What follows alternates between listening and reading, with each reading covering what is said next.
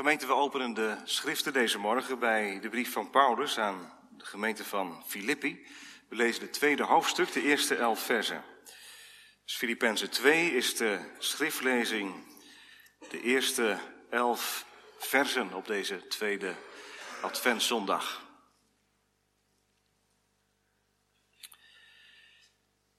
Filippenzen 2. Vanaf de gemeenschap is van de geest als er enige innige gevoelens en ontfermingen zijn, maak dan mijn blijdschap volkomen, doordat u eens gezind bent, dezelfde liefde hebt, één van ziel bent en één van gevoelen. Doe niets uit eigen belang of eigen dunk, maar laat in nederigheid de een de ander voortreffelijker achter dan zichzelf. Laat een ieder niet alleen oog hebben voor wat van hemzelf is, maar laat een ieder ook oog hebben voor wat van anderen is. Laat daarom die gezindheid in u zijn die ook in Christus Jezus was, die, hoewel hij in de gestalte van God was, het niet als roof beschouwd heeft aan God gelijk te zijn, maar zichzelf ontledigd heeft door de gestalte van een slaaf aan te nemen en aan de mensen gelijk te worden. En in gedaante als een mens bevonden, heeft hij zichzelf vernederd en is gehoorzaam geworden tot de dood, ja tot de kruisdood.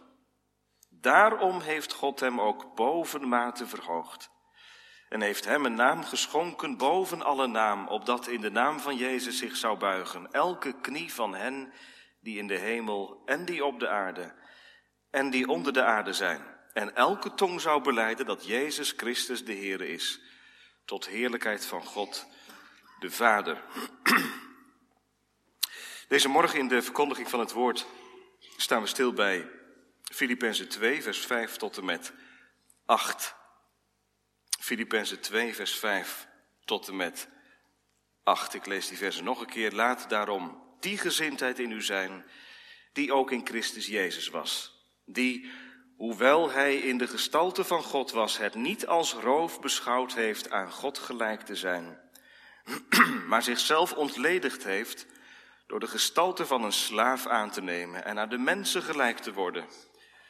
En in gedaante als een mens bevonden, heeft hij zichzelf vernederd en is gehoorzaam geworden tot de dood, ja, tot de kruisdood.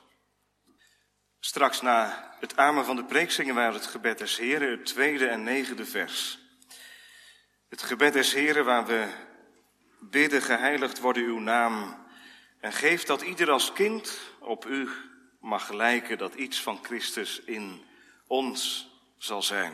En het negende, want u is het koninkrijk, uw is de kracht. Het gebed des Heren, het tweede en negende vers na de preek straks. Thema voor deze morgen gemeente is de weg omlaag is de weg omhoog. De weg omlaag is de weg omhoog. En dat klinkt natuurlijk vreemd. Maar ik hoop het uit te leggen aan de hand van Filippenzen 2, waarom het toch zo is. Dat niet de weg omhoog de weg omhoog is, maar de weg omlaag de weg omlaag is.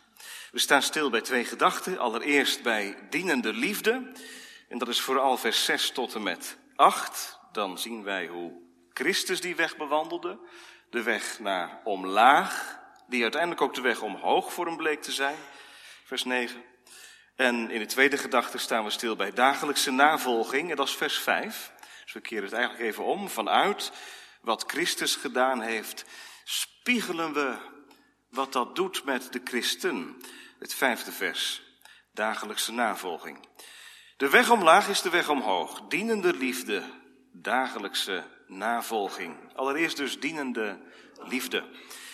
Gemeente, jonge mensen, we bevinden ons in de adventstijd. We bereiden ons voor op de kersttijd.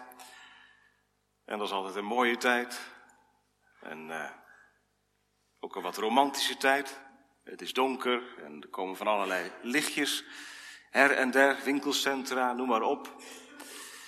Voor je het weet wordt kerst alleen maar een romantisch gebeuren. Een zoetsappig, weeig feest waar iedereen in een bepaalde stemming moet zijn. En als het 26 december geweest is, dan wordt alles weer in de kast gedaan en dan gaan we het gewone leven weer, weer verder. Dat is natuurlijk wel een risico hè, aan kerst. een van de jongeren zegt misschien wel, ja dominee, dat is wel waar, want kerst is iets van lang geleden. 2000 jaar geleden is er een kind geboren. Ik weet nog steeds niet wat dat met mij, wat dat voor mij te betekenen heeft. Wat moet ik met iets wat vroeger is gebeurd? We hebben de evangelie gekregen. Matthäus, Marcus, Lucas, Johannes, die ons uit de doeken doen wie Christus is. We hebben ook de, we hebben ook de brieven van Paulus gekregen om te laten zien wat de doorwerking van kerst betekent. En daarom mogen we wel heel dankbaar zijn dat de Heilige Geest het niet alleen gelaten heeft bij het evangelie, maar ook de doorwerking ervan, dat wat het uitwerkt in het concrete leven, in de schrift heeft laten optekenen. Filippenzen 2 is zo'n gedeelte. En mocht je dan nog denken dat kerst iets te maken heeft met romantiek,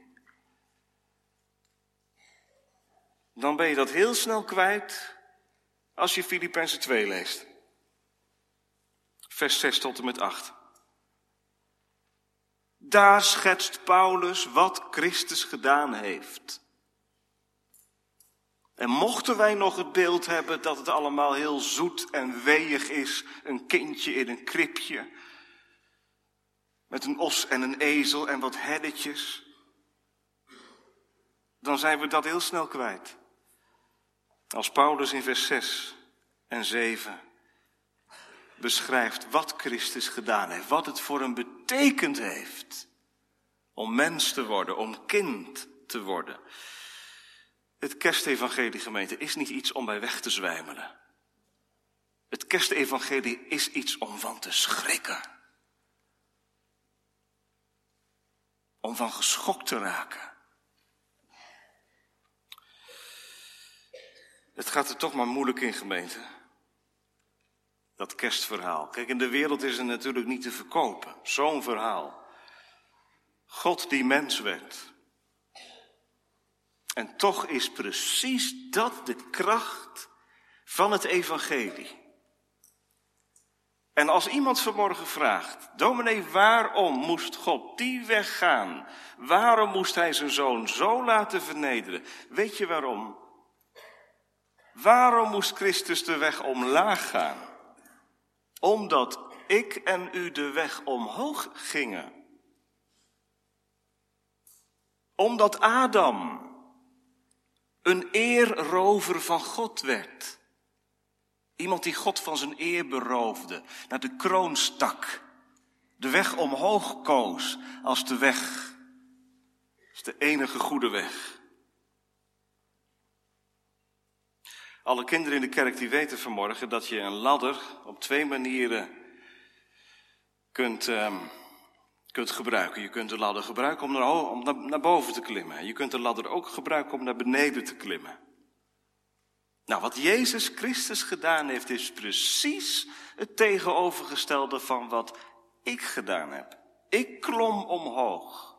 Ik wilde als God zijn. Ik wil als God zijn. En Jezus klimt omlaag. Het zit ons zo diep in het bloed, gemeente. Dat omhoog klimmen en als anderen daarbij pijn moeten lijden. Het gaat om mijn leven, mijn verhaal, mijn ego. En Jezus? Gemeente, als je deze verse leest. Het is echt één regelrechte aanklacht aan mijn adres. Dat hij dit moest doen deed hij vanwege mij.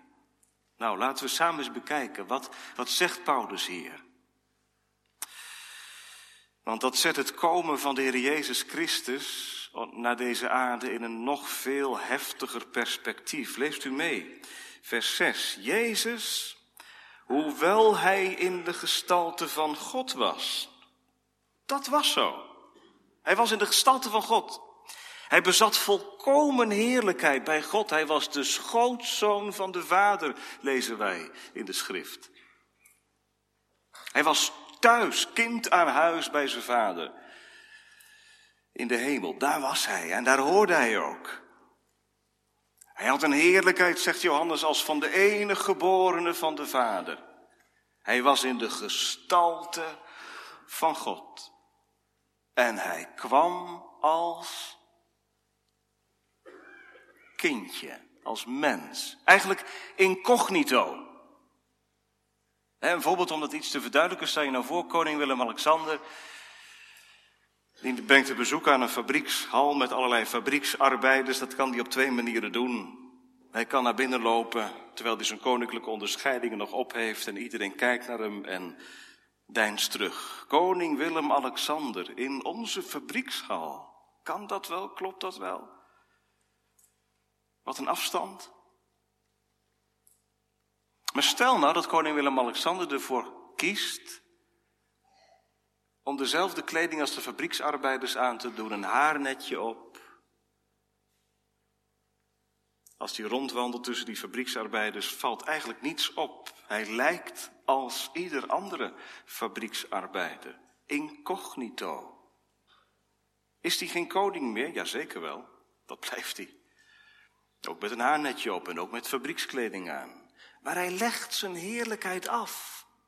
Hij vereenzelvigt zich met die mensen daar in de fabriekshal. Wat heeft de Jezus gedaan? Hoewel hij in de gestalte van God was, heeft hij zichzelf ontledigd. Werd hij mens. Zo kenden de mensen hem ook. In die tijd. Is dat niet de zoon van Jozef, van de timmerman? Komt hij niet uit Nazareth? Nou, dat zijn opmerkingen die gemaakt zijn in de tijd dat de Jezus rondwandelde op de aarde. Mensen kenden hem als de zoon van Jozef, als mens. En ik weet zeker, gemeente, als u en ik in die tijd geleed zouden hebben, wij zouden hem niet, niet in die zin herkend hebben. Hij was niet anders dan anderen. Hij had een hele gewone naam. Zo heette er tallozen, Joshua. En hij zag eruit als ieder ander. Hij was mens, hoewel hij in de gestalte van God was. Ja, wat betekent dat dan? Nou, je moet doorlezen. Hoewel hij in de gestalte van God was, heeft hij het niet als roof beschouwd aan God gelijk te zijn. Dat is een beetje een moeilijke zin. Ik zal het uitleggen. Jezus heeft er niet voor gekozen toen hij naar de wereld kwam om zijn God zijn in te zetten, om zijn eigen rechten te laten gelden. Dat had gekund.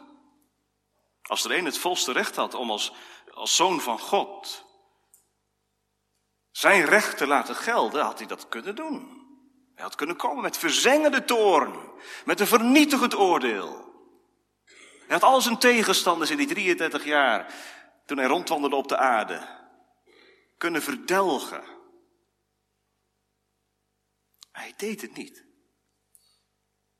Hoewel hij de zoon van God was, heeft hij zijn God zijn niet uitgebuit, niet als roof beschouwd, niet, al, niet uitgebuit betekent dat. stel je nou voor, in onze maatschappij komt dat helaas voor. Hè? Iemand die een hoge positie heeft, of een bepaalde positie heeft, hè, die kan zijn positie inzetten om iets gedaan te krijgen. Als je weet dat je een hoge positie hebt in een bedrijf, dan kun je je invloed en je gezag op een hele kwalijke manier aanwenden om dingen gedaan te krijgen. Wees van dat, van dat dominante spel in de maatschappij. Zijn er met schade uitgekomen. Iemand die zijn positie heeft uitgebuit. Jezus deed het niet. Hij was in de gestalte van God. Hij buiten zijn God zijn niet uit. Weet je wat hij wel deed, jonge mensen? Weet je wat hij wel deed? Hij gebruikte zijn God zijn wel om te redden en te helen en te genezen en te helpen. Daarom dreef hij onreine geesten uit. Dat had hij als mens niet gekund, als zoon van God wel. Daarom stilde hij de storm, zodat de discipelen uiteindelijk zeiden aan het eind, is dat niet de zoon van God? Daarom genas hij blinden. Dus hij zette zijn God zijn in om te redden. Dat is een hele uh, heftige, mooie geschiedenis in de Bijbel, die dat op een hele bijzondere manier laat zien. Als de discipelen bij de Heer Jezus komen en tegen hem zeggen, meester zullen wij om, om vuur bidden uit de hemel, want die Samaritanen die willen u niet ontvangen. U mag dat dorp niet binnen, waar de Samaritanen wonen. Zullen we om vuur bidden? Dan zijn ze allemaal in één keer geweest. De discipelen komen op voor hun meester. En wat zegt Jezus dan? Lucas 9. De zoon des mensen is gekomen, niet om de zielen van mensen te verderven, maar om te behouden. Hij heeft zijn positie niet uitgebuit. Wat een contrast, gemeente, met mijn bestaan. Wat gaat hier veel mis? Niet alleen in de maatschappij, in de wereld, maar ook in christelijke gezinnen. Mannen die hun macht aanwenden om hun vrouw de mond te snoeren. Jij moet naar mij luisteren. Vaders die hun positie in het gezin misbruiken om hun kinderen te overroelen. En rationeel kun je het in de details allemaal kloppend krijgen. Ik ben toch en daarom moeten ze toch naar mij luisteren. En mijn vrouw moet dit en mijn kinderen moeten dat. Ja. Denk eens aan de Jezus. Als er één rechter had, was hij het, hè? Heeft hij ze laten gelden? Wat is het moeilijk, gemeente, hè, voor ons om van onze rechten afstand te doen? Moeilijk? Nee, onmogelijk. Onmogelijk. Onmogelijk om van onze rechten afstand te doen. En daarom, ik hoop daar in de tweede, het tweede gedeelte van de preek wel meer aandacht aan te besteden. Daarom is het ook geen kwestie van nadoen. Je moet net als de Heer Jezus zijn. We moeten niet gaan proberen om dit na te doen. Wat de Heer Jezus gedaan heeft, is uniek geweest. Maar het is wel de bron, het is wel de bodem, het is wel de basis waarop ieder levend christen uiteindelijk staat. En van daaruit zal het alleen maar gaan. De ander uitnemen erachter dan, dan jezelf. Gemeente, als we het allemaal moeilijk vinden, hè? Als we het allemaal moeilijk vinden, dan moeten we ons allemaal vandaag ook afvragen. Wat als Jezus het nou niet gedaan zou hebben? Dat wat Paulus hier schrijft. Wat als Jezus zijn rechten wel had laten gelden? Gemeente, dat was mijn ondergang geweest. Dan was mijn lot bezegeld. Dan was er geen toekomst voor mij. Dan was ik verloren en dan zou ik verloren gaan. Als Jezus zijn rechten zou inzetten. Om mijn leven eens even onder de loep te nemen. En recht te spreken. Ik heb geen benen om op te staan. Maar wat deed Jezus? Vers 7. We zijn er nog niet.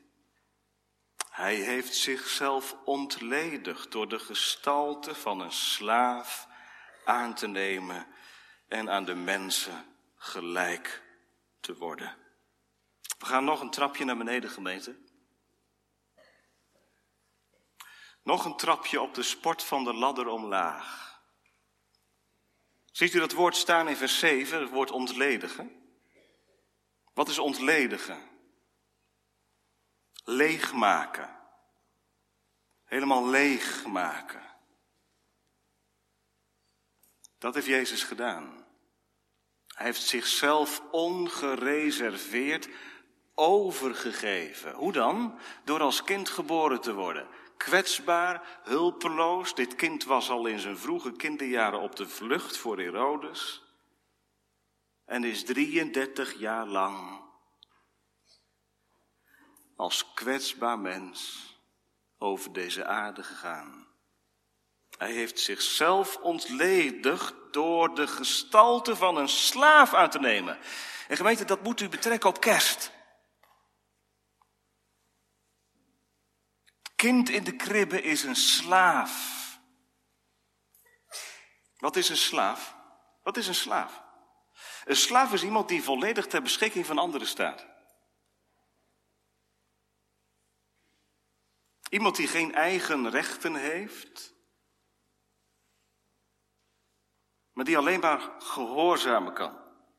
Heeft niets in te brengen, kan zich niet laten gelden, kan wel gebruikt worden, wel vernederd worden. Dat is gebeurd met de Jezus. Dat is kerst. De gestalte van een slaaf aannemen. En dat heeft hij willen blijven, gemeente. In India hebben ze dat kastensysteem. Als je als, als paria geboren bent, dan blijf je paria. Je kunt, je kunt daar gewoon niet uitkomen. De Jezus is slaaf geworden en bleef het ook. Van begin tot het eind, gestalte van een slaaf, aan de mensen gelijk geworden. En gemeente, dan gaan we nog een stap verder.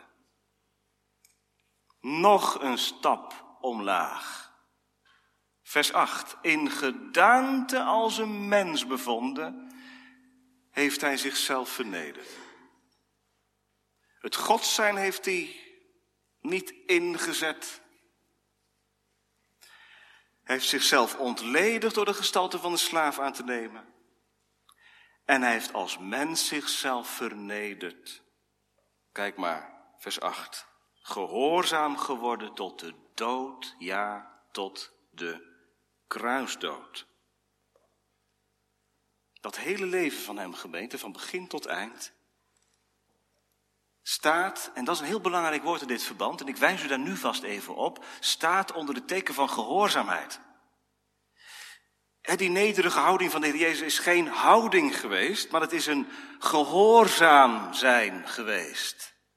Een wilsbesluit van binnenuit. Geen nederig doen, maar nederig zijn. Gehoorzaam geworden. Tot de dood. Ja, en als Paulus er dan bij zet tot de kruisdood, dan heeft dat voor hem een heel bijzondere lading, want Paulus is Romeins burger. Hij kon zich beroepen op de keizer. Voor hem geen kruisdood, omdat hij Romein was. En Jezus, zijn Jezus, tot de kruisdood. Vernederd. dus als Paulus dat neerschrijft, dan doet hij dat denk ik met heel veel Heel veel emotie ook. Mijn zaligmaker. Ik zit in de gevangenis, maar mijn zaligmaker heeft het tot de kruisdood volgehouden. En daardoorheen, hij is gehoorzaam geworden. Hij is vernederd. Hij is vervloekt. Dat betekent het. Kruisdood, vervloekte. Aan de kant gezet.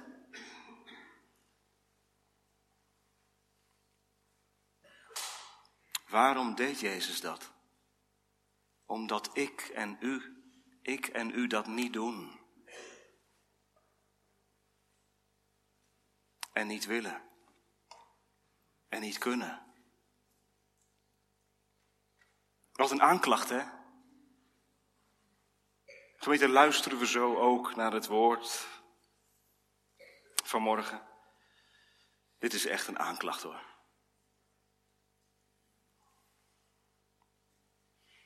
Want we kunnen met elkaar onszelf heel wat vinden, ook als christenen. Mensen moeten toch een voorbeeld aan ons kunnen, kunnen nemen. Ja.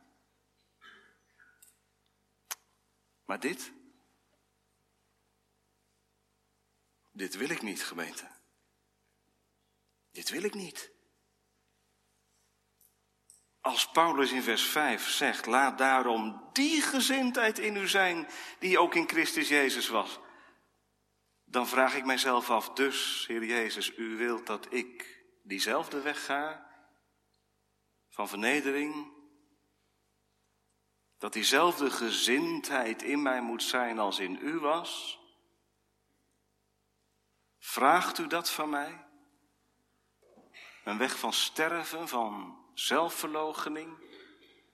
Maar dat is toch alleen maar verlies? Dat is toch alleen maar capitulatie? Dat is toch alleen maar overgave? Dat is het ook. Dat is het ook. Ik heb lang geaarzeld over het thema gemeente, dat mag u best weten. De weg omlaag is de weg omhoog. Maar die laatste woorden die heb ik er toch aan toegevoegd. Toen ik een preek van Augustinus las in deze week. Over Marcus 8, over het gedeelte van zelfverloochening. En het thema van die preek was de weg omhoog.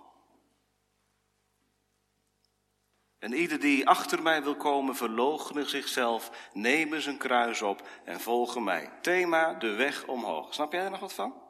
Begrijp jij er nog wat van? Christen zijn is toch groeien, sterk worden, bloeien. Getuigen, krachtig worden. Nee, zegt de Heer Jezus, jezelf verloochenen. Geen herenmoraal, maar slavenmoraal. De weg omlaag was voor Christus de weg omhoog. Daarom heeft God hem, vers 9, ook boven mate verhoogd. En hem een naam geschonken boven alle naam. En het is voor een christen niet anders. Want wat doet genade als, als God in je leven komt, gemeente? Wat gebeurt er dan? Ja, zegt iemand, dan verander je innerlijk. Ja, dat is ook zo. Genade verandert je wezenlijk van binnenuit. Maar het komt ook naar buiten toe. Je gezindheid wordt vernieuwd. Dat is bekering. Vernieuwing van denken, vernieuwing van gezindheid. Dat is het wonder van de wedergeboorte. Nieuw leven. Je gezindheid wordt veranderd en dat komt eruit. Dat is onze tweede gedachte, dagelijkse navolging. Kinderen kennen dat lied wel, denk ik. Hè? Hij kwam bij ons heel gewoon. Als zoon van God, als mensenzoon. weet je hoe het verder gaat? Zijn voorbeeld roept om te dienen iedere dag. Gedragen door zijn liefde en kracht. Het eerste gaat toch wel, hè? Dat zingen we blij mee. Maar dan het tweede. Zijn voorbeeld roept om te dienen iedere dag.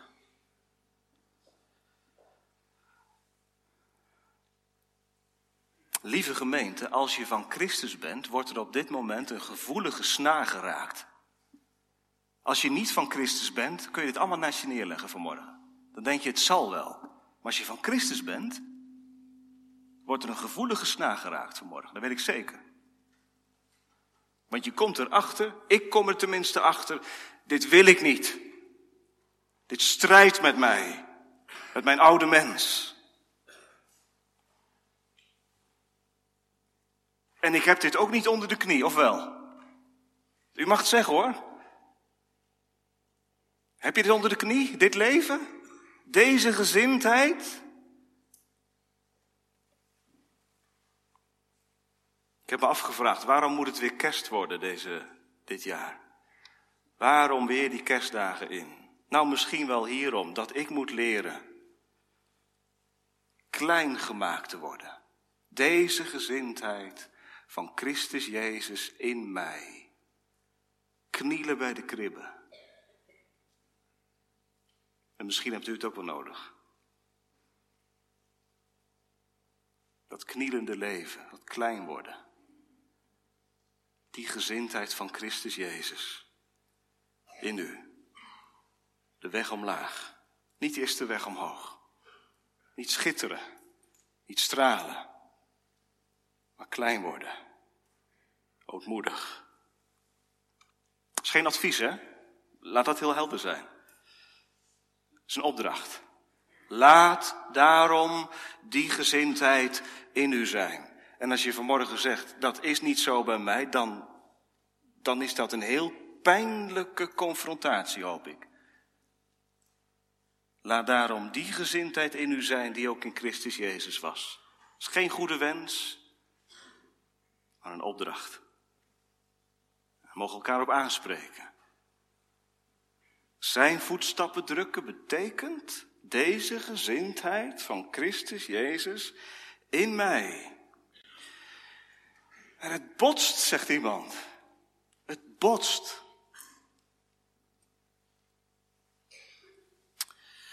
Want het schema van deze wereld waarin ik denk, waarin ik grootgebracht ben, dat is, ga voor jezelf. De weg omhoog. De weg naar de glorie. In het koninkrijk van Christus zijn andere regels. Ik hoorde pas het voorbeeld van, stel je voor dat je um, op vakantie gaat naar Engeland of naar andere landen waar uh, links gereden wordt. Dan is het een hele overgang, hè? Nou, iedereen heeft die ervaring, als je in Engeland geweest bent, die ervaring wel eens gehad. Je komt in Engeland aan, je hebt een auto bij of je huurt een auto. En dan, ja, dan moet je gaan rijden. Nou, ik zou het niet wagen om op het Nederlandse wijze daar te gaan rijden. Uh, je verongelukt. Je moet je echt aanpassen. In het Koninkrijk van Engeland gelden andere regels dan in Nederland. In het Koninkrijk van Christus geldt een andere wet. Dat is niet de wet van vlammen, schitteren, stralen. Dat is de wet van het tarwegraan. Sterven om vrucht te dragen. De weg omlaag als de weg omhoog. Wij willen graag richting elkaar een voorbeeld zijn hè? in intelligentie, in overredingskracht, in wijsheid, in inzicht, in principes. Zo werelds als wat? Toen aan Augustinus gevraagd werd, wat is het kenmerk van een christen? Zei hij, ootmoed. En de tweede dan, ootmoed. En de derde dan, ootmoed. Kom hier eens op een sollicitatiegesprek mee aan, jonge mensen. Jullie begrijpen allemaal wel, dit, dit botst, hè? Is er ooit op een sollicitatiegesprek gevraagd naar jouw ootmoed, naar jouw zachtmoedigheid? Naar jouw nederigheid? Nee, uh, wel naar je diploma's. Naar je sterke, sterke punten. Laat daarom die gezindheid in u zijn, die ook in Christus Jezus was. Weet je wie er schittert in het koninkrijk van Christus? De meest nederige want die heeft het meest van Christus geleerd. Ik hoop dat je ze kent. Dat zul je van jezelf niet zeggen. Ik hoop dat je ze kent in de gemeente, mensen bij wie je op bezoek gaat. Of in je familie. Je zegt, dat is zo'n, zo'n fijn en fijn besnaard en ootmoedig mens. Hij doet niet ootmoedig, maar hij is het. Hij is zo liefdevol, zo weinig veroordelend. Hij heeft genoeg aan zichzelf. En daarom kan hij de ander helemaal hebben. Hij heeft genoeg voor de spiegel gestaan. Om al die verkeerde dingen bij de ander. Ja, niet voor lief te nemen. Maar niet te gebruiken om zichzelf boven die ander uit te werken. Gemeente, deze versen raken wel hè omdat ik op dit terrein nog zo weinig gevorderd ben. Dit leven. Want zelfs als christen, zelfs als kind van God, kun je deze gezindheid die gezindheid van Christus Jezus, onderdrukken, kan, kunnen de werken van het vlees, deze vrucht van de geest, overheersen. Hoe arglistig is ons hart. Catechismus zegt dat ergens, hè, dat wij zelfs in de allerheiligste verrichtingen, zelfs in ons gebed, nog kunnen cirkelen rond onszelf. Wie van ons gemeente gaat vanmorgen zonder schuld de kerk uit? Is dat dan de bedoeling, zegt iemand, dat je met schuld de kerk uit moet gaan? Nee. Nou ja, niet alleen. Het hoeft helemaal niet verkeerd te zijn hoor, om met schuld naar huis te gaan. Echt niet. Maar ik hoop dat het niet het enige is. Want met die schuld, met dat tekort, waar je door het woord van morgen aan herinnerd wordt, is er ook iets anders. Gemeente, het is blijkbaar wel mogelijk. laat daarom die gezindheid in u zijn die ook in Christus Jezus was. Dat is niet weggelegd. Voor de enkeling. Voor de heel bijzondere. Dit is het gewone, normale christelijke leven. Dat wij in Nederland en de gereformeerde gezinten er zo moeite mee hebben. Dat is abnormaal. U weet dat ik in India geweest ben. En dat ik daar genoeg voorgangers gesproken heb waar ik mij in vergelijking daarmee diep mee schaam. Broeders die van alles meegemaakt hebben. En die toch de liefde tot de naaste bewaren. Hoe is dat nou mogelijk? Ik weet het niet. Zou het de uiterlijke verdrukking zijn? Die ervoor zorgt dat een leven dicht bij Christus geleefd wordt?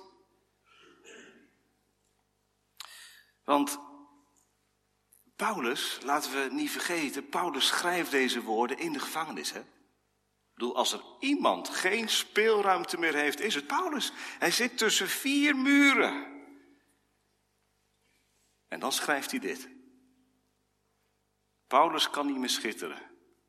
Paulus kan niet meer stralen. Paulus kan de weg omhoog niet meer gaan, want hij zit op het dieptepunt, hij zit in de gevangenis, hij kan geen kant op, hij is geketend. Maar het woord van God is niet geketend, zegt hij. En vanuit die gevangenis, vanuit de verdrukking, schrijft hij, laat daarom die gezindheid in u zijn. Ja, misschien is het inderdaad wel dat luxe probleem.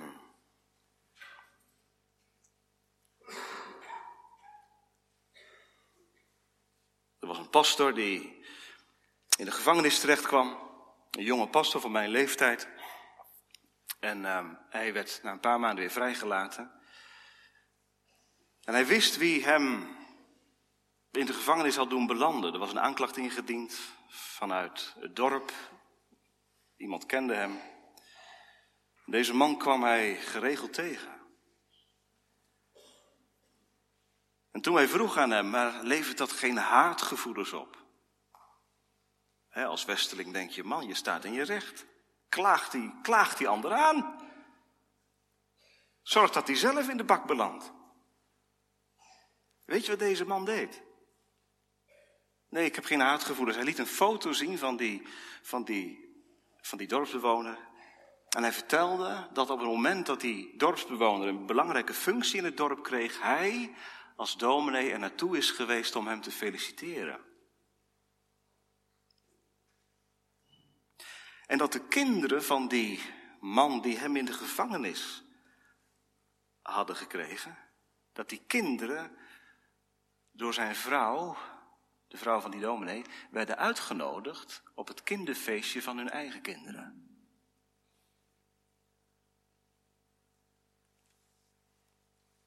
En weet je wat het gevolg uiteindelijk geweest is? Dat de vrouw en de kinderen van die man, die die dominee in de gevangenis had gekregen, lid zijn van de gemeente. Die man nog niet. Maar de genade van God is krachtig genoeg om ook die man te veranderen. Gemeente, wij zijn niet in India, we zijn in Nederland. Dat weet ik ook wel. Maar kerst 2019. Mag het het kerst zijn, de kerst zijn van deze gezindheid van Christus Jezus.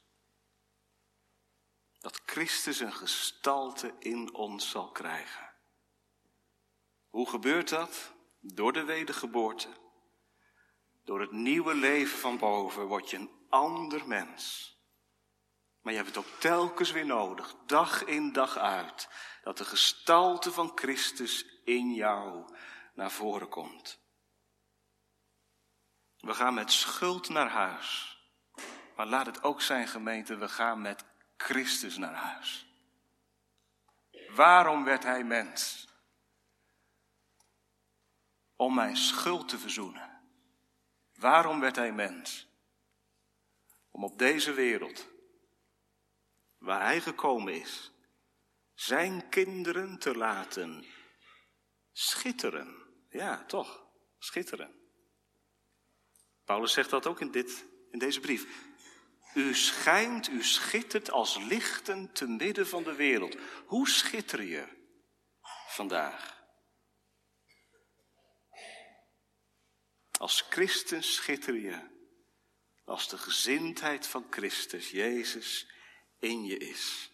Laat die gezindheid in je zijn. Dominee, dat is zo moeilijk. Nee, het is niet moeilijk. Het is onmogelijk. Je kunt het niet. Het is geen vrucht van eigen akker. Laat daarom die gezindheid in u zijn die ook in Christus Jezus was. En weet je, Hij geeft wat mij ontbreekt. Wanneer jij met al die schuld, wanneer ik met al dit tekort, tot een vlucht is er bij Hem een volheid van genade om dit leven met val en opstaan te leven. Johannes 1, vers 14. Uit zijn volheid ontvangen wij genade voor genade. Laat uw naam geheiligd worden, heren, en geef dat in mijn doen en laten het beeld van uw lieve zoon naar voren mag komen. Zingt u mee? Amen.